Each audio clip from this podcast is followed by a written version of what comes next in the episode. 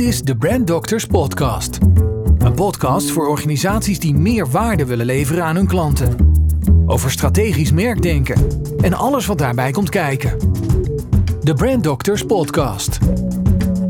En mijn naam is Bette Bakker.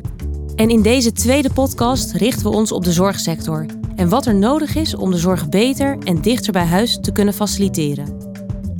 Is een belangrijk onderdeel van het hoofdlijnakkoord dat in 2018 is ondertekend door het ministerie van Volksgezondheid, Welzijn en Sport, de Nederlandse Vereniging van Ziekenhuizen, maar ook bijvoorbeeld de Patiëntenfederatie Nederland en vele andere belangrijke organisaties in de zorg. Om de toegankelijkheid en de betaalbaarheid van onze zorg te waarborgen, moet het zorglandschap anders worden ingericht.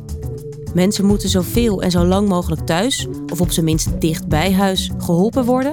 Zorgprofessionals gaan interdisciplinair samenwerken. En e-health kan ervoor zorgen dat mensen of patiënten zelf dingen kunnen gaan doen.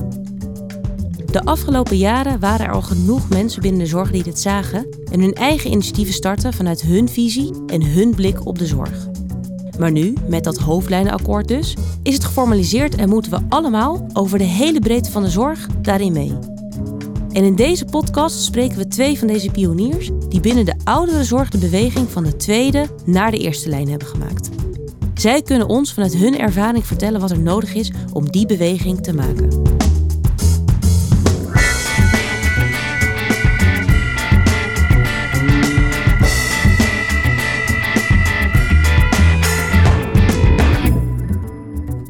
Ben dan ook bijzonder blij dat jullie aan tafel zitten. Bianca Buurman, hoogleraar acute ouderenzorg en degene die aan de wieg stond van de wijkkliniek. Een samenwerking tussen Cordaan en het AMC. Ehm, Esther, Esther Bertolet, voormalig huisarts uh, en specialist ouderengeneeskunde... die de eerste zelfstandige praktijk ouderengeneeskunde in eerste lijn heeft opgezet. Maar ook mijn collega Mike Jansen zit aan tafel... Um, partner bij Brandox Mixen, maar bovenal iemand die sinds jaar en dag zich inzet voor betere patiëntervaringen en zinvolle innovaties in de zorg. Welkom allemaal. Dankjewel. Dankjewel. Dank. Esther, ik begin graag bij jou. Ik geloof dat het zo'n acht jaar geleden is dat jij uh, ja. je zelfstandige praktijk oudere geneeskunde hebt opgericht. Kun je me allereerst vertellen, wat moet ik me daarbij voorstellen? Um, nou, de praktijk ouderengeneeskunde is in 2011 inderdaad opgericht. En die is uh, opgericht omdat ik um, gewerkt had in een viertal omgevingen uh, waar ouderen uh, zich begeven. En dat was in een verpleeghuis, als huisarts, um, in de ouderenpsychiatrie en bij de klinische geriatrie. Ja. En in alle vier die werelden zag ik dingen die heel goed waren en dingen waarvan ik ja, last had of die ik minder goed vond. Mm -hmm. En ik heb toen besloten om, uh, of bedacht dat het heel erg interessant zou kunnen zijn om het beste uit die vier werelden mee te nemen. Uh, naar een praktijk waarvan ik dacht dat dat het beste zo dicht mogelijk bij de huisarts en bij de patiënt uh, zou kunnen zijn. Uh, en die heb ik in Velp vervolgens opgericht, omdat daar heel veel ouderen wonen. 25% is ouder dan 65. En um, wat, het, wat we doen is dat ouderen verwezen kunnen worden. Dus de huisarts is en blijft hoofdbehandelaar. Ja. En verwijst oudere mensen met complexe problemen naar de praktijk ouderengeneeskunde. In plaats van naar de geriater of naar de neuroloog. Ja. Of naar de psychiater. En wij brengen met ons team van specialisten ouderengeneeskunde. Dat zijn dus artsen, verpleegkundigen en uh, secretariaat. Uh, patiënt helemaal een kaart. Maken een plan, stemmen dat af. Met alle hulpverleners die betrokken zijn. En voeren dat plan vervolgens ook uit, zodat uh, de huisartsen met name daarin erg ontlast worden. Ja. ja. En uh, waarom is het zo belangrijk dat uh, deze zorg in de eerste lijn wordt geboden? Nou, omdat de patiënten thuis wonen, hè, die wij zien. Mm -hmm. En thuis is een breed begrip, want dat kan zijn echt thuis thuis. Maar dat kan ook zijn bijvoorbeeld in een verzorgingshuis. Tenminste in, in appartementen waar ook zorg wordt geboden. Um, dus daar wilde ik zo dicht mogelijk bij zijn, omdat ik die context heel belangrijk vind. Ik merkte in de, in de geriatrie bijvoorbeeld dat het heel ziektegericht is uh, wat we doen. En daar had ik last van. Dus je hebt bijvoorbeeld dan, ik had dan twee patiënten met de diagnose dementie, dezelfde mate van dementie. Mm -hmm. Maar dat, doordat hun context heel anders was, andere familie, ander huis, andere hobby's, alles anders, maakt het eigenlijk ook dat ik met een heel ander uh, verhaal te maken heb en dus ook een ander advies en een ander behandelvoorstel zou moeten doen. Alleen, ik zag dat niet in het ziekenhuis. Um, Bianca, de wijkkliniek is eigenlijk een soort mini-ziekenhuis in de wijk. Zo noem je dat geloof ik zelf uh, ja, ook. Klopt. Um, en ouderen die uh, uh, een acuut probleem hebben en voorheen naar het ziekenhuis moesten, kunnen nu bij jullie terecht. Ja. Je zou ook kunnen zeggen, in een ziekenhuis is alles voorhanden wat je nodig hebt. Waarom is het zo belangrijk dat die zorg toch loskomt van het ziekenhuis? Ja, dat zou je denken, dat uh, in het ziekenhuis alles voorhanden is. Um, ja, wij hebben zelf ja, heel veel onderzoek gedaan naar de impact van een ziekenhuisopname op kwetsbare ouderen. En wij zagen toch eigenlijk uh, ja, een aantal dingen dat mensen toch ja, slechter dat ziekenhuis uitkomen. Uh, dus achteruit gaan in hun functioneren, vaak snel weer terugkomen in het ziekenhuis.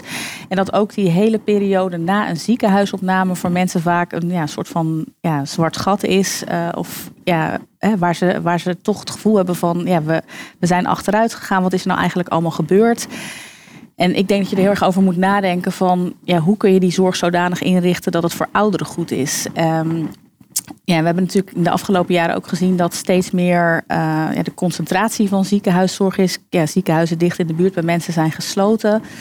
Um, en uh, tegelijkertijd is er ja, die hele beweging van verplaatsing van zorg naar de thuissituatie. Dus je moet ook nadenken van ja, als je die zorg dichter bij huis wil bieden, wat is dan ja, de structuur die je nodig hebt en wat hebben ouderen dan zelf ook echt nodig? Ja. ja. En toen je startte met het idee van de wijkkliniek, had je toen een concreet doel voor ogen? Wat probeerde je toen te bereiken? Um, nou, ik weet niet. We, we, hebben ongeveer twee jaar gebruikt om echt dat concept te ontwikkelen.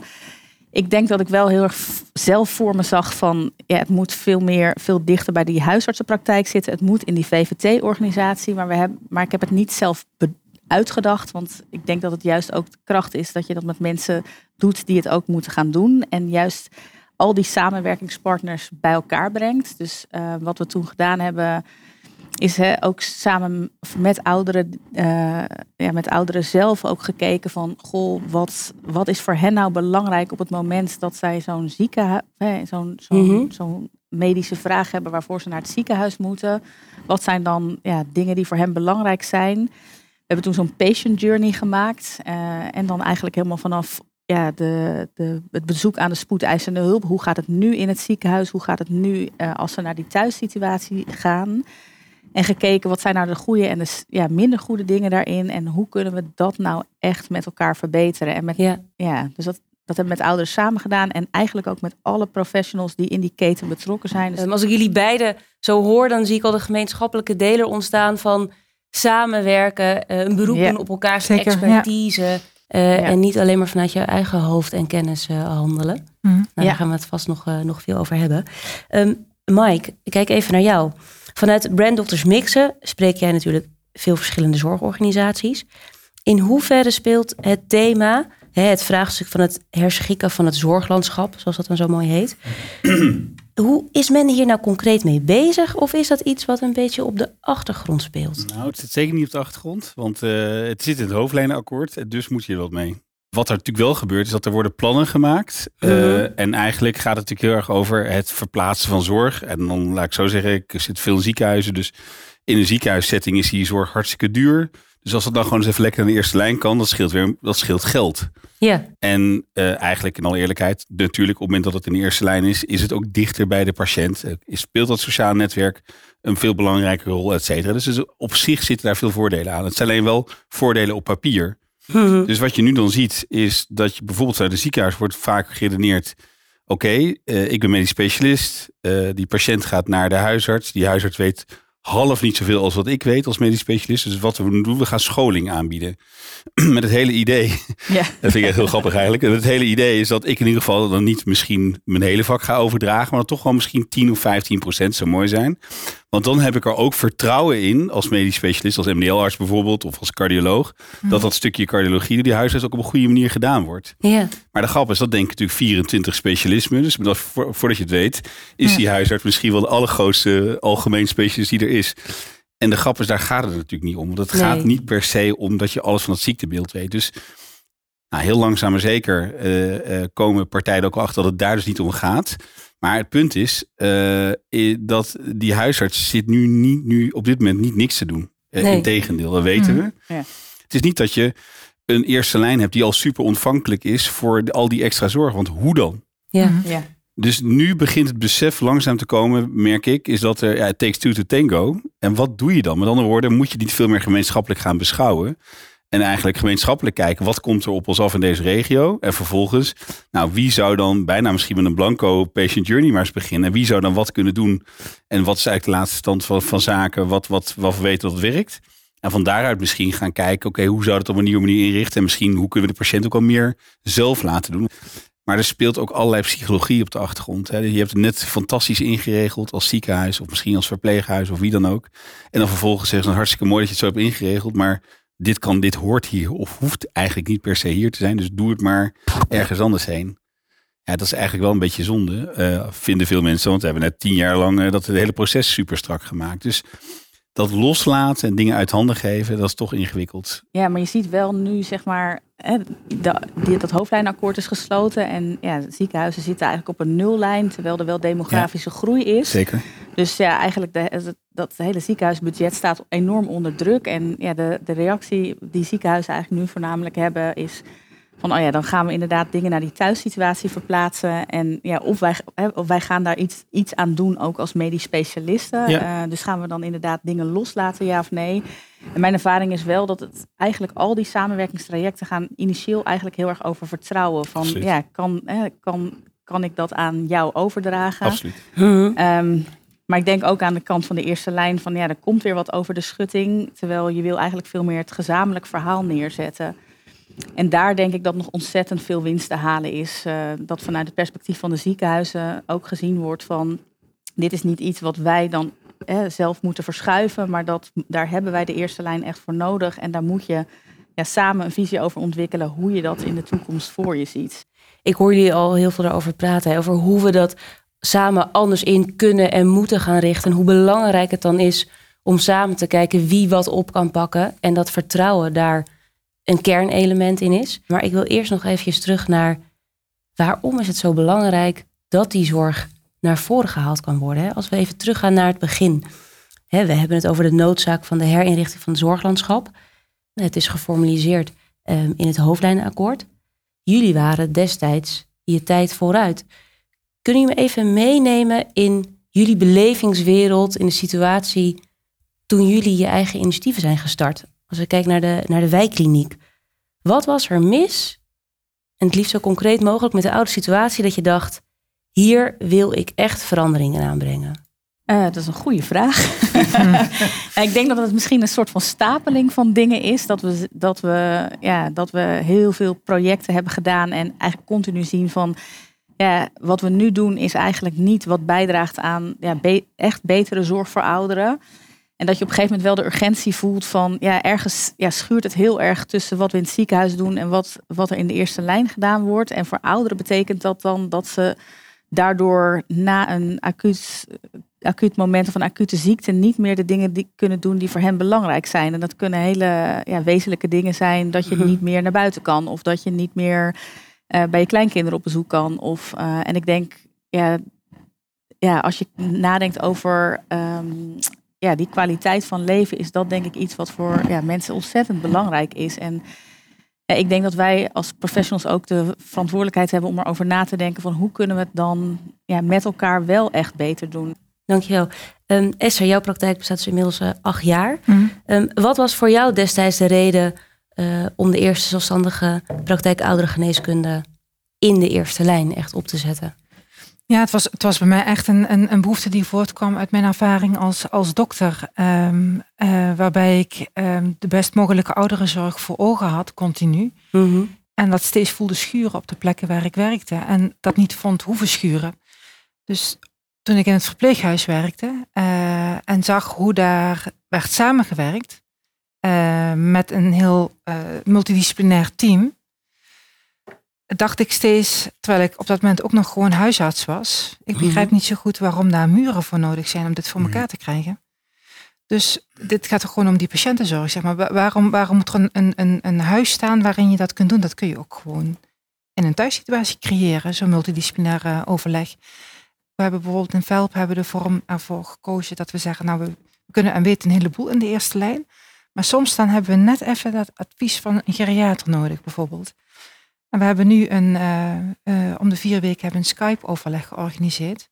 Waarbij de geriater aan tafel meedenkt met onze patiënten. En daar hebben we hartstikke veel aan. En natuurlijk is het nog fijner voor een geriater om die patiënt voor zich te zien. Hm.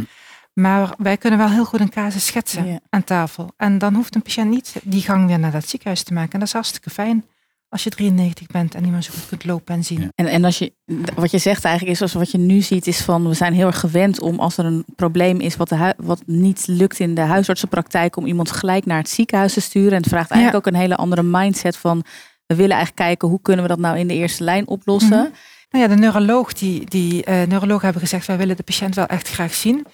Dus met de neurologen hebben we ervoor gekozen dat zij één keer per kwartaal met ons meegaan op huisbezoek. En we zetten dan de patiënten klaar thuis. Dus die zitten, echt, uh, ja, die zitten echt te wachten. Om drie uur s middags komt de specialist. Hè. Dat, dat, dat, ben ik eigenlijk ook, maar dat, dat, vergeten we even, zeg maar. De specialist komt op bezoek. Dus mensen zitten echt klaar in pak vaak. Weet je wel, met, met een mooie serviesje, thee en alles. Nu komt de dokter. Nu komt echt de specialist dan, eindelijk. En die komt binnen en dat is wel heel grappig, want die neurologen zijn het meestal niet gewend om op huisbezoek te gaan. Maar die kunnen vaak heel goed zien of er bijvoorbeeld sprake is van Parkinson, want dat is dan mijn vraag. Of is dat een, een vreemde vorm van dementie? Is dat een Lewy body dementie? Die hebben vaak in 20 minuten zijn ze klaar, gaan weg en laten de patiënt eigenlijk achter met naar mij toe de diagnose eh, te stellen en te zeggen wat er volgens hen moet gebeuren. En dan zeg ik tegen de patiënt, nou weet je, ik kom morgen nog een keer terug en dan leg ik het u goed uit. Maar ik ga nu met de, met de specialist even naar de volgende patiënt. Dus de neuroloog doet heel snel en efficiënt uh, een aantal huisbezoeken achter elkaar en gaat dan terug naar het ziekenhuis. En wij en hoeven dus geen DBC te openen, maar wij maken het af, we leggen het uit en we integreren de behandeladviezen in onze zorg. En dat hebben we ook zo een aantal keren met bijvoorbeeld een revalidatiearts gedaan. Die wil ook graag een patiënt zien. Ja. Krijg je ook hetzelfde, dat we ze meenemen. Ja, dat snap ik heel goed. Toch, en dan ga ik misschien een heel klein beetje advocaat van de duivel spelen. want we hebben het hier echt over uh, het herinrichten van het zorglandschap. Dat is, hebben we net ook al gezegd, een vrij ingrijpende klus. Zouden we niet al heel ver zijn met een aantal slimme oplossingen? Ik noem een Skype-verbinding. Mm. Is dat niet veel makkelijker? Moet het zo ingrijpend? Ja, nee, ik denk dat er, dat er, dat er zeker heel veel te leren is. Maar hoe, hoe breng je alles wat geleerd is in het land bij elkaar? Want dat vind ik vaak heel erg zonde. Mhm. Zeker. Mhm. Dat er heel veel prachtige initiatieven zijn en dat we er moeilijk van afweten van elkaar. En tegelijkertijd denk ik dat er ook echt een aantal hele wezenlijke veranderingen zouden kunnen doorgevoerd worden. En waar denk ehm, je dan aan? Nou ja, in mijn wereld, hè, de, de, de complexe ouderenzorg, denk ik bijvoorbeeld aan al die, uh, zeg maar, de problemen die er nu ontstaan door het feit dat ouderen bij elkaar gaan wonen uh, in particuliere huizen. Mm Huisartsen zeggen, ja wacht even, maar daar zijn wij niet toe geschoold. Daar weten wij te weinig van. Uh, hartstikke moeilijk om dat daar eventjes over te nemen. Um, terwijl die zorg die daar gegeven wordt in zo'n particulier huis, of soms ook gewoon thuis, verschilt niet zo heel erg van wat er in de verpleeghuizen mhm. gebeurt. Het zijn mhm. dezelfde type mensen die daar wonen. Ja. Dus waarom is dat zo verschillend ingericht? Maar je zou bijvoorbeeld als huisarts een duo kunnen vormen met een specialist oudergeneeskunde, heel afgestemd en efficiënt je ronde kunnen doen langs de meest complexe ouderen. Ehm, maar dan wel ook zorg draagt voor de mensen die daar wonen en die bijvoorbeeld moeten kunnen terugvallen op goed gespecialiseerde verpleegkundigen. En dat zou je over de hele breedte van de ouderenzorg, waar die mensen ook wonen, verpleeghuis, particulier huis, mhm. thuis, kunnen doorvoeren. Ik denk dat je dan veel efficiënter gebruik maakt van, van de expertise die er is. Dan krijg je een soort getrapte zorg. Ja. Ik denk dat het veel leuker is voor heel veel mensen die er werken, die dan geen oneigenlijk werk doen, specialisten oudergeneeskunde, maar ook heel mooi werk doen waarvoor ze zijn opgeleid, verpleegkundig specialisten. Ja. En ik denk echt dat dat een antwoord kan zijn, ook op krapte die heerst. En, uh, of gaat steeds meer gaat heersen uh, in bepaalde regio's. Maar hoe boud is het nou eigenlijk? Ja, het is hoe boud is het? Ja. Hoe boud is het? Ja. Het is, je zou kunnen zeggen, het is gewoon logisch. Ja, want waarom, zou er een verschil zijn tussen de muur waarachter je woont, verpleeghuis of particulier huis of thuis, als je dezelfde ja. aandoeningen hebt en dezelfde ziektes en dezelfde zorg nodig hebt. En als je nadenkt over van, ja, waarom zou je dit nou moeten doen? Of, hè, ja, of hè, wat zou je nou echt wezenlijk willen veranderen? Ik denk toch, toch de mindset van de basis is, is die eerste lijn. En je zou zeggen, dan denk je misschien van ja, dat is toch al de mindset. Maar ik denk dat we heel snel al, uh, als er iets complex wordt, naar het ziekenhuis verwijzen. En ik denk dat je ook heel erg moet nadenken, hoe bouw je die expertise zodanig op dat je het echt ook thuis met elkaar kan doen. En Ja. dat vraagt denk ik wel ja, ook andere inzet van de mensen die nu in de eerste lijn werken, maar ook ja, het grootste deel van de huisartsen en die wijkverpleegkundigen eh, zijn, hè, zijn die ouderen.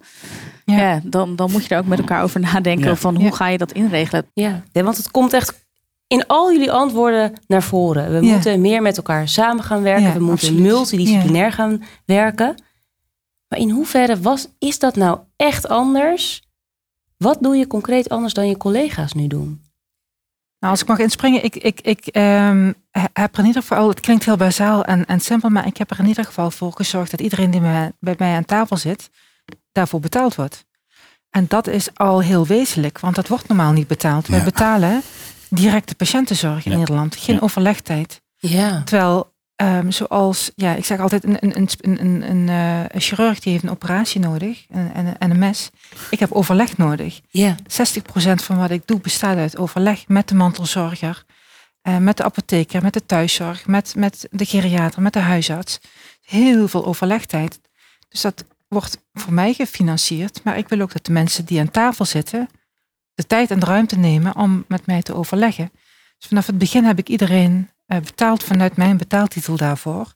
En ik denk echt dat je daarin moet investeren. Dat je dat, dat overleg echt waardeert.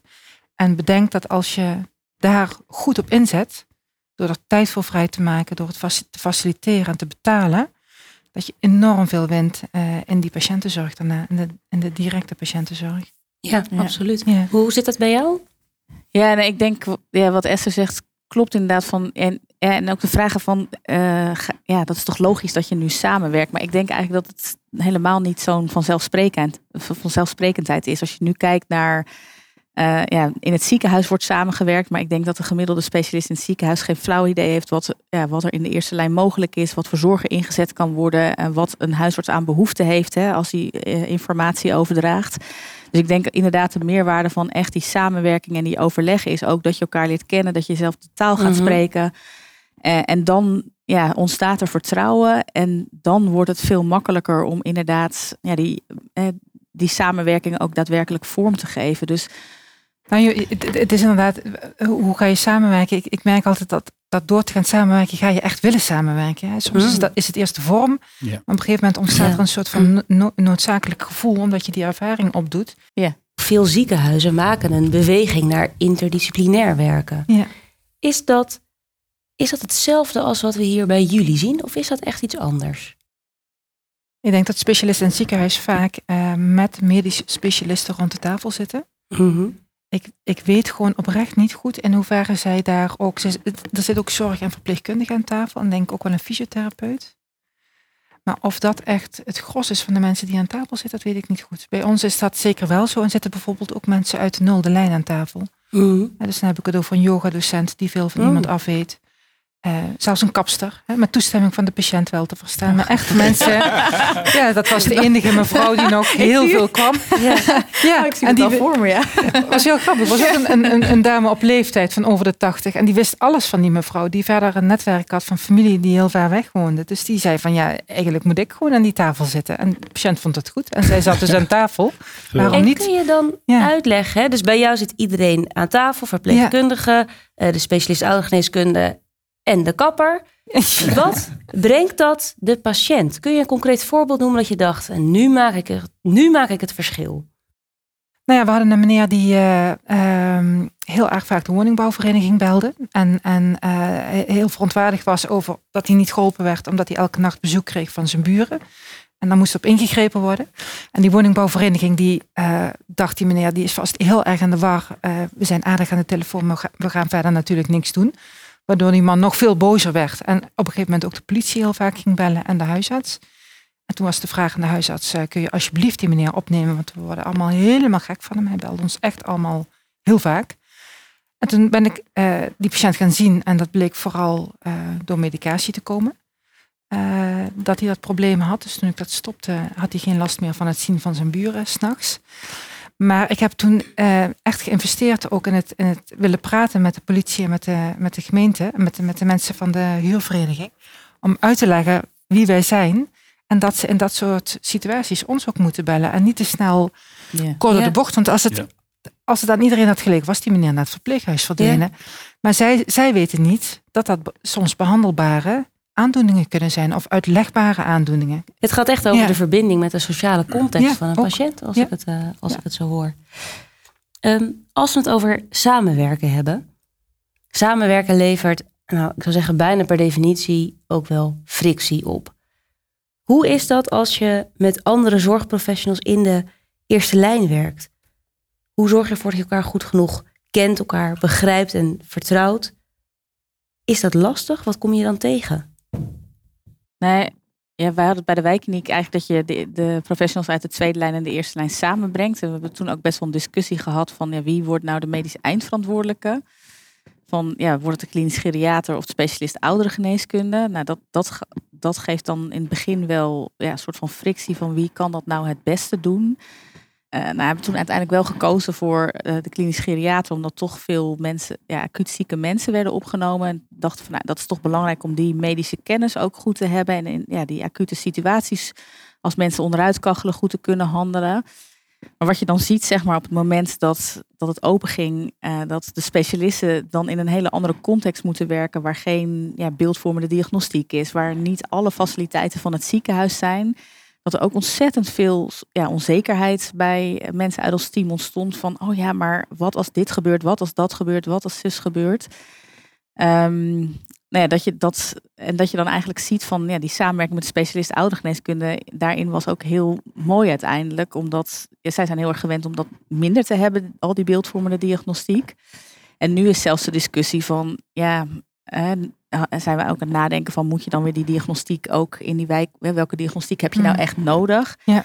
En nu zit, zijn de geriaters ook wel die zeggen van ja, eigenlijk heb je heel veel, heel veel niet nodig. Want het gaat ook wel van ja, als je een, die diagnostiek inzet of je, je vraagt een CT-scan aan, gaat het je behandeling ook echt veranderen. Dus zij zijn eigenlijk ook nu veel conservatiever geworden over ja, uh, ja, we hoeven mensen eigenlijk mm. alleen maar die, die, diagnostiek te doen op het moment dat het echt nodig is om uh, diagnose te stellen en het echt ons beleid gaat veranderen. En ik denk tegelijkertijd, um, ja, in die samenwerking heb je ook, hebben we ook al gezien dat specialisten ouderengeneeskunde juist die hele snelheid van die klinische geriatrie, dat, dat dat voor hen ook echt nieuw was, om dat in die, in die, in die setting van het verpleeghuis um, ja, te integreren.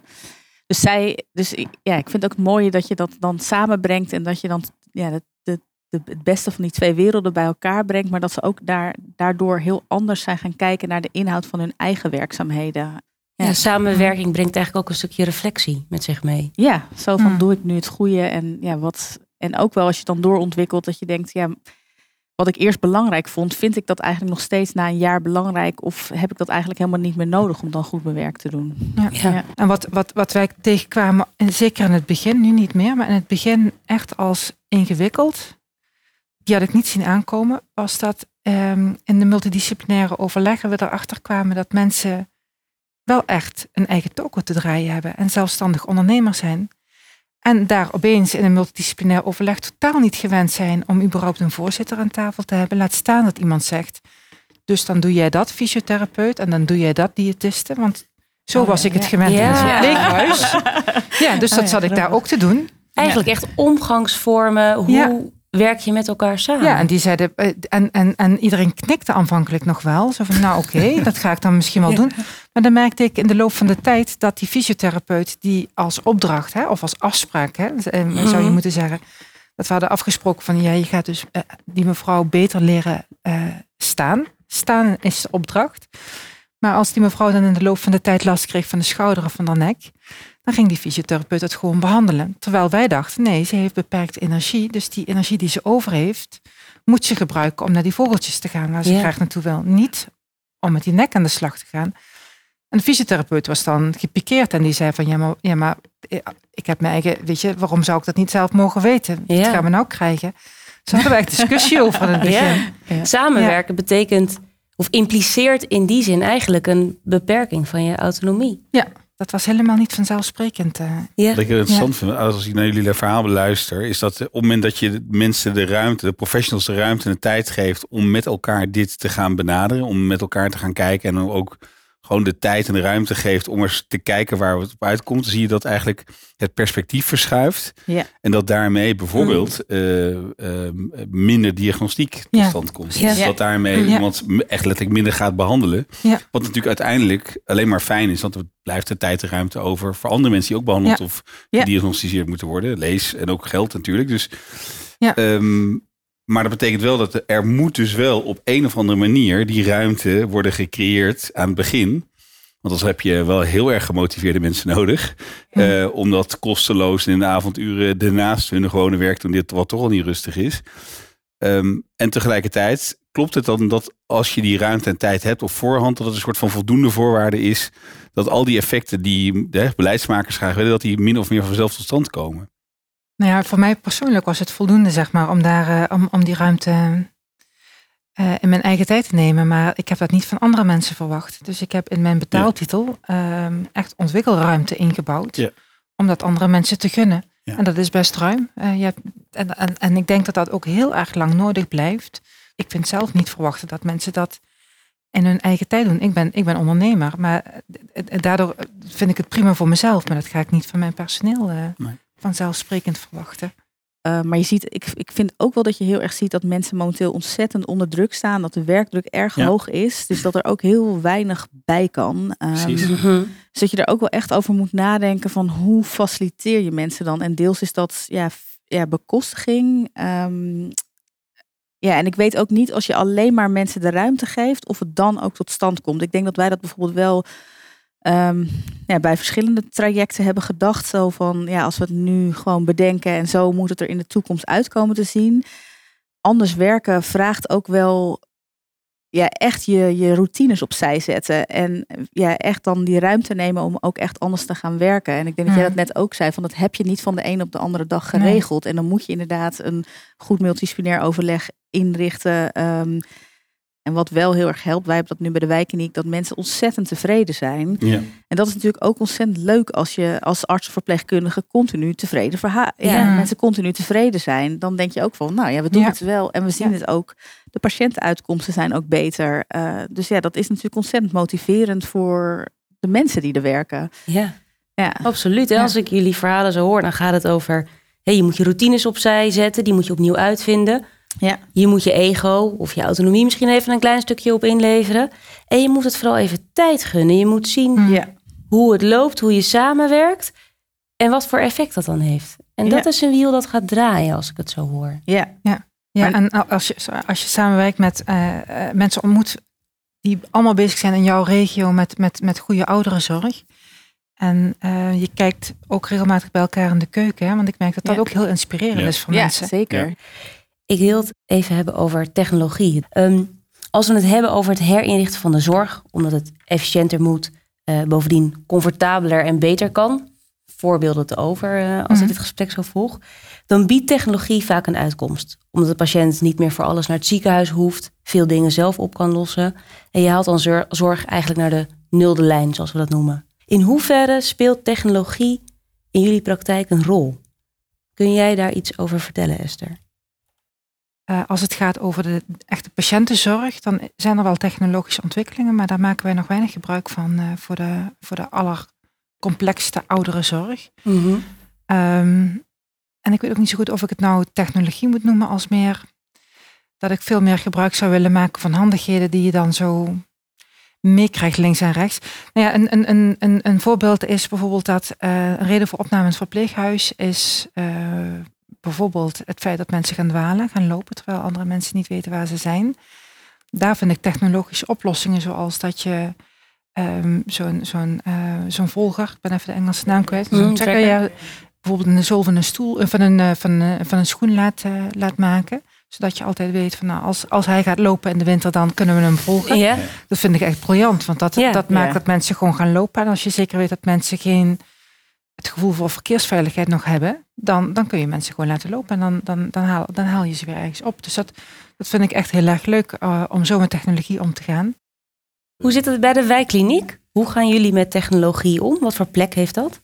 Ja, we hebben wel een aantal technologische ontwikkelingen die we gebruiken. Dus we hebben bijvoorbeeld, um, zijn we nu ook bijvoorbeeld aan het kijken, maar dat is nog niet wat we geïmplementeerd hebben. Van kun je nou met artificial intelligence dat veel eerder zien aankomen en dan een signaal aan de verpleging of de artsen geven van hey, let op. Uh, nu gaat hè, we, zien, we detecteren nu een patroon over de tijd. En ik was zelf altijd een beetje sceptisch over uh, die hele artificial intelligence. Maar je ziet het steeds meer ook die toepassing richting de praktijk komen. En dan kan ik er wel echt de meerwaarde van zien. En als je even verder nog redeneert, als, je, als we daartoe in staat zijn om dat eerder te zien aankomen, dan helpt het zoutje ook helpen om ja, de beslissing te kunnen nemen om mensen thuis die ziekenhuiszorg te bieden, waar niet 24-7 iemand omheen staat omdat je dan, ja, als je weet van, hey, dit is het moment dat het minder goed gaat, mhm. dan kan je er ook op tijd als arts of verpleegkundige naartoe. Ja, uh, ja, absoluut. Toch kan ik me ook voorstellen dat dit soort ontwikkelingen, nou ik noem een tracker of uh, het gebruik van AI, dat het ook nog best wel wat vragen en weerstand met zich oproept. Uh, niet alleen in de laatste plaats over privacy bijvoorbeeld of over veiligheid. Absoluut, ja. Zorgt het dan altijd wel over versnelling en versimpeling? Of zorgt het niet voor meer discussie en vertraging op dat gebied. Hoe werkt dat? Nou, mijn ervaring is eigenlijk dat, dat die zorg over die privacy veel meer bij professionals zit en eigenlijk helemaal niet zo heel erg bij ouderen. Want naast dat we dat in de wijkkliniek doen, hebben we ook met sensortechnologie in de thuissituatie gewerkt. Dat was dan met name voor, voor revalidatie. En dan hangen er sensoren die beweging registreren. Dus niet een camera, maar echt ja, die, die, die, die, die registreert beweging. En dan krijg je ja, als therapeut een dagelijks activiteitenpatroon te zien. Uh, maar tegelijkertijd uh, ja, kan iemand op afstand, bijvoorbeeld een mantelzorger, ook meekijken van hey, hoe gaat het? Is mijn moeder wel naar buiten geweest? Uh, is ze überhaupt ja. de bed uitgekomen? Ja. Um, en eigenlijk de meeste ouderen vonden dat zelf heel fijn dat, hè, dat ze in de gaten gehouden werden. Um, maar ook wel dat ze konden zien van hey, ga ik nou vooruit? Of hè, wordt het nou beter? Of ja, ja, wordt het, gaat het de verkeerde mm. kant op? En dus onze ervaring is meer dat die twijfel bij die professionals zit en niet zozeer bij die patiënt. Bij de patiënt. Maar wat ik eh, ook, ook wel een leuke manier van gebruik van, van, van uh, eh, ICT vond, is dat ze uh, al een hele tijd geleden hebben, hebben ze natuurlijk onderzoek gedaan naar waar, hoe kun je eenzaamheid nou verminderen. En de gedachte dat je daar uh, technologie voor kunt gebruiken, nou ja, daar kun je heel ja. veel projecten over noemen en over discussiëren. Maar een hele mooie vond ik het, het, het project waarin um, oudere mensen op een hele makkelijke manier toegang kregen tot Skype. Dus ze zetten de computer aan en daar was een Skype-knop. En dan hadden ze toegang tot uh, eigenlijk het huis van hun uh, aangewezenen, familieleden. En doordat die mensen uh, twee keer per dag, s ochtends en s avonds, even skypten en de kleinkinderen een leuke schooldag wensten en goedemorgen en heb je lekker geslapen en ook s'avonds. Het hoefde maar vijf minuutjes, twee keer per dag um, voelden die mensen zich weer ergens bij horen. En uh, ja. had het een ontzettend grote invloed op, op eenzaamheid. Ja, ik vond dat echt wel briljant. Zeg maar. Ik wil zeggen, het klinkt, als een, het klinkt niet eens als een innovatie. Nee, het is een simpele oplossing die we ja. bedenken, toch? Ja. Ja. ja. Nou, en dat valt me op eigenlijk aan alles wat jullie noemen. Ja, het is dan misschien wel techniek, maar technologie is eigenlijk onderhevig aan de mens. Het gaat veel meer over menselijke innovatie, over menselijk contact, over wat de patiënt nodig heeft, de patiënt echt centraal, mhm. maar ook over hoe je samen moet en kan werken en hoe je die processen dan inricht. Is dat dan ook eigenlijk de soort innovatie die we nodig hebben? Ja, dat denk ik wel. Ik denk dat dat, dat dat heel wezenlijk is. Dat je blijft denken met welk doel je de technologie inzet. En uh, aan de andere kant dus vooral, vooral gebruik van maakt, maar ook begrensd. Hè? Want niet alles wat ingezet kan worden, moet je ook inzetten. Nee. En ik denk dat gesprek aangaan, hè, van dit is wat u wil, maar dit is ook wat u helemaal dus niet meer wil. En dan heb ik het over uh, van opereren tot, tot, tot uh, ja. high-tech behandeling. Mm -hmm. tot wat, maar dat, het, kan, het kunnen ook eenvoudige behandelingen zijn, het gebruik van medicatie of het überhaupt gaan naar het ziekenhuis. Ja. Ik denk dat dat ook heel veel zou kunnen bijdragen aan kwaliteit van leven, maar ook aan, aan, aan vermindering van kosten. Dus ja. technologie, maar wel ook met een hele duidelijke grens. Ja, absoluut. Goed, als ik, Mike, en ik kijk even naar jou, hè, als we de verhalen van Esther en Bianca horen, dan uh, horen we heel veel over het belang van samenwerken, elkaar opzoeken, met elkaar praten, maar ook elkaar kunnen begrijpen en op elkaar kunnen vertrouwen. Um, om goed samen te kunnen werken uiteindelijk. Jij spreekt nou, genoeg zorgorganisaties eh, eh, binnen Nederland. Wat is jouw beeld als we allemaal deze beweging willen maken? Wat hebben zorgorganisaties nodig?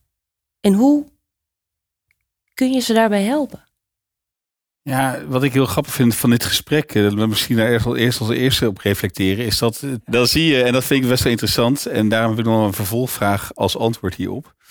Het lijkt erop, als je op technologisch vlak kijkt, of op, op nou, laten we sociale innovatie noemen, dus met hoe werken we met elkaar samen, et cetera.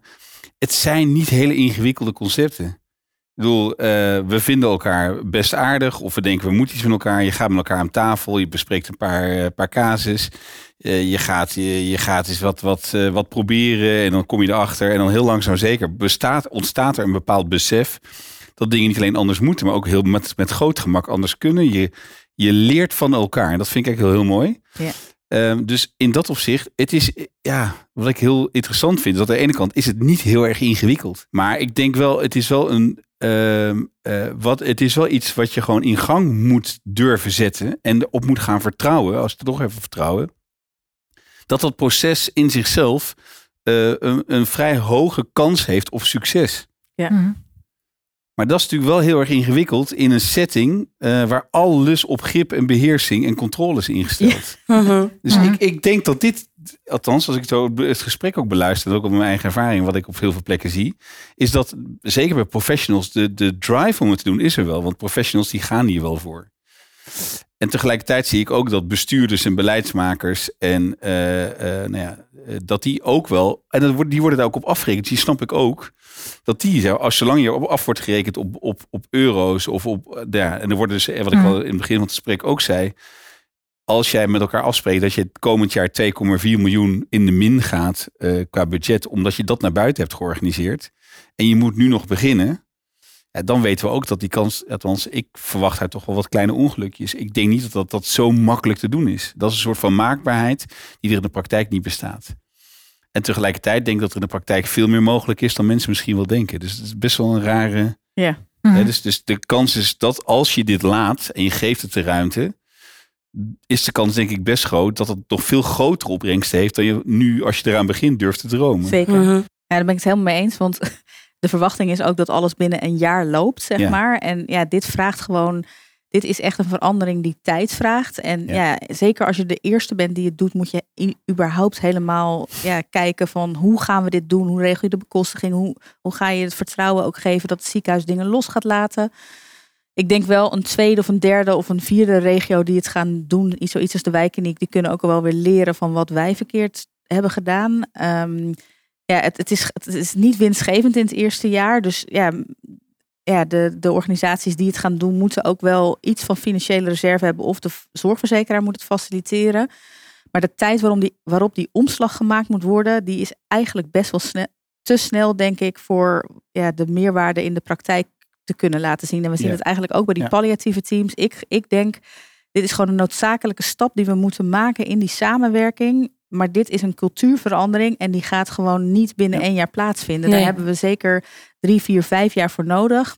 Een beetje te, tegelijkertijd, we hebben een heel groot onderzoek gehangen hè, vanaf het begin eh, van, van, van mijn praktijk. Uh, met, met echt fantastische resultaten. Met enorme substitutie. Uh, en een verdienmodel. Nou ja, echt binnen een jaar hadden we, hadden we onszelf dik en dwars uh, terugverdiend. Ja. Um, en toch uh, hebben, wij nog steeds, hebben wij nog steeds geen structurele ja. betaaltitel. Ja, ja. Maar dat, dus nee, dat is, en, dat is, waardoor komt dat nou? Komt dat, nou dat, komt, dat komt ook doordat... Um, omdat ook wel het veld uh, moeite heeft met zo'n cultuuromslag. En wat ook remt, uh, uh, kom ik steeds meer achter. Tenminste, dat is, vind ik wel heel erg ingewikkeld, laat ik het zo zeggen. Dat is dat je wel met Ehm, meneer A van de zorgverzekeraar en meneer B van, van eh, eh, een grote stakeholder, de NZA, VWS, een, een, een goed gesprek kunt voeren en mensen zijn helemaal overtuigd. Maar een jaar later zit daar een hele andere meneer A, een andere meneer B. En dan kun je eigenlijk weer opnieuw beginnen. Ja.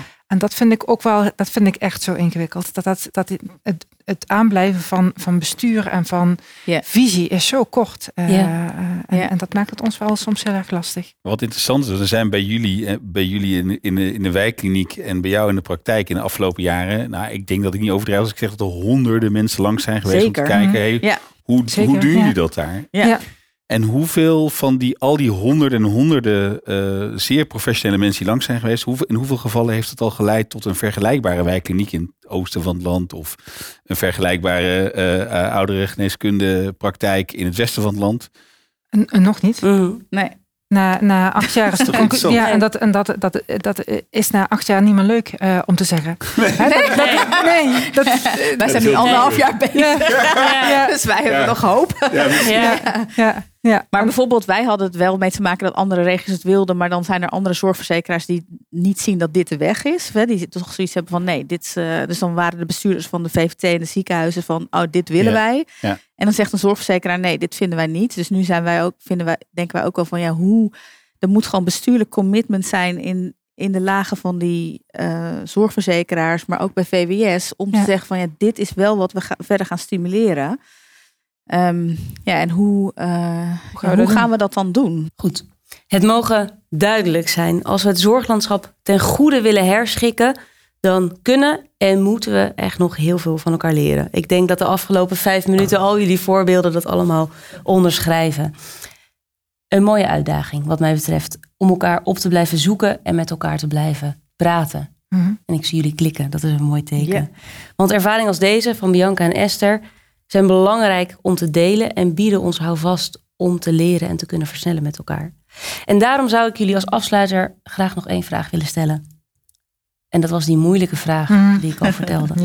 Als je één advies mag geven aan iedereen binnen de sector die bij wil dragen aan deze beweging, hè, om de juiste zorg dichter bij de patiënt te kunnen brengen, met alle consequenties van dien, waar we het allemaal over gehad hebben, wat zou je advies dan zijn? Investeer in, uh, in, in multidisciplinaire anticiperende samenwerking. Ik denk dat als je dat doet, als je, als je echt inzet op, op uh, mensen de ruimte geven om elkaar te ontmoeten en met elkaar samen te werken. En daarin ook met elkaar na te denken over, over uh, moet alles wat kan. Hè? vinden we dat met z'n allen nodig? Wil de patiënt eigenlijk dat wel? Ja. Ik denk dat je dan heel veel wint. En dan, krijg je, dan, dan gaat er heel veel vanzelf stromen, denk ik. Heel goed, ja. dankjewel. Bianca, nou, ik denk als ik één advies zou mogen geven, is dan toch te beginnen met het probleem waar je een oplossing voor wil vinden. En dat ligt heel vaak in de zorg aan, aan die oudere patiënt. En wat heeft die nodig? En om daar met elkaar het gesprek over aan te gaan van hoe kunnen wij dat met elkaar in samenwerking anders doen. Ik denk dat dat de basis is om u, überhaupt uh, professionals te enthousiasmeren, maar ook elkaar beter te leren kennen. Um, ja, en dat dat uiteindelijk, als, als het echt een wezenlijk probleem is waar je met elkaar tegenaan loopt en waar, wat voor ouderen ook een probleem is, dat, dat het uiteindelijk ook een oplossing is die ja, echt bijdraagt aan vraagstukken in de praktijk. Ja. En dan kijk ik ook nog even naar Mike. Ja, nee, ik denk dat dat, uh, en het is heel veel gezegd, en dat is ook wel mijn eigen ervaring, is dat op het moment dat je professionals met elkaar om, uh, rondom een goed doel weet te verenigen. Ja. En dat goede doel is over het algemeen uh, natuurlijk gewoon de verbetering van de positie of, of situatie van, van de patiënt of cliënt. Dat als je, als je mensen daarmee om tafel zet en die voelen op zijn minst de ruimte om ermee aan de slag te gaan dat je dan al heel veel hebt. Hè? Dus dat je, en natuurlijk mm. zijn er een aantal randvoorwaardelijke dingen die je moet gaan regelen. En uh, op het moment dat je dat soort processen faciliteert, dan, dan gaat het dingen vastlegt en zorgt, nou dan gaat het, het loopt ook allemaal net even wat soepeler. Ja. Um, maar ik denk dat dat het wel gewoon, dat dat een heel belangrijke stap is. Um, maar je zult ook, en of je nou beleidsmaker bent of bestuurder, eh, je zult moeten gaan realiseren, wil je deze beweging maken, dan moet je het de tijd en de ruimte geven. Ja, en dat verhoudt zich gewoon nogmaals heel rottig met uh, waar je wordt afgerekend. Ja, wat, jij zegt herken ik wel, want het is een soort van uitgestelde waardering. nou, het begin, soms is het ook helemaal geen waardering voor, voor de ideeën die je oh, hebt. Dat is helemaal sneu natuurlijk. Ja, ja. Nee, nee, dat, is niet, dat gebeurt niet altijd, maar ik denk ook wel je ook echt niet uit het veld laten slaan. Want uiteindelijk heel veel mensen zeggen: Oh, dit gaat, dit gaat je niet lukken. Of dit, hmm. ja, eh, dit kan niet, dit kan niet, dit kan niet. En dan denk ik altijd: Ja, hoezo kan het niet? Ja. Uh, laten we dat, maar dat, dat, dat wil ik nog wel eens ter discussie stellen. En eigenlijk bijna altijd kan het wel. Alleen ja. ja. moet je de weg zien te vinden waarop het wel kan. Ja, absoluut. Intrinsieke motivatie en doorzettingsvermogen. Dat hoor ik jou zeggen. En dat lijkt me een bijzonder waardevol advies en ook een beetje hoop om deze podcast mee af te sluiten. Ik wil Bianca, Esther en Mike heel erg bedanken voor het delen van al jullie kennis en ervaringen. En natuurlijk jou als luisteraar. Is er nou een thema of onderwerp dat je graag terug hoort of dat je zelf een keer aanschuift? Laat het dan zeker weten. Je bent van harte welkom aan tafel.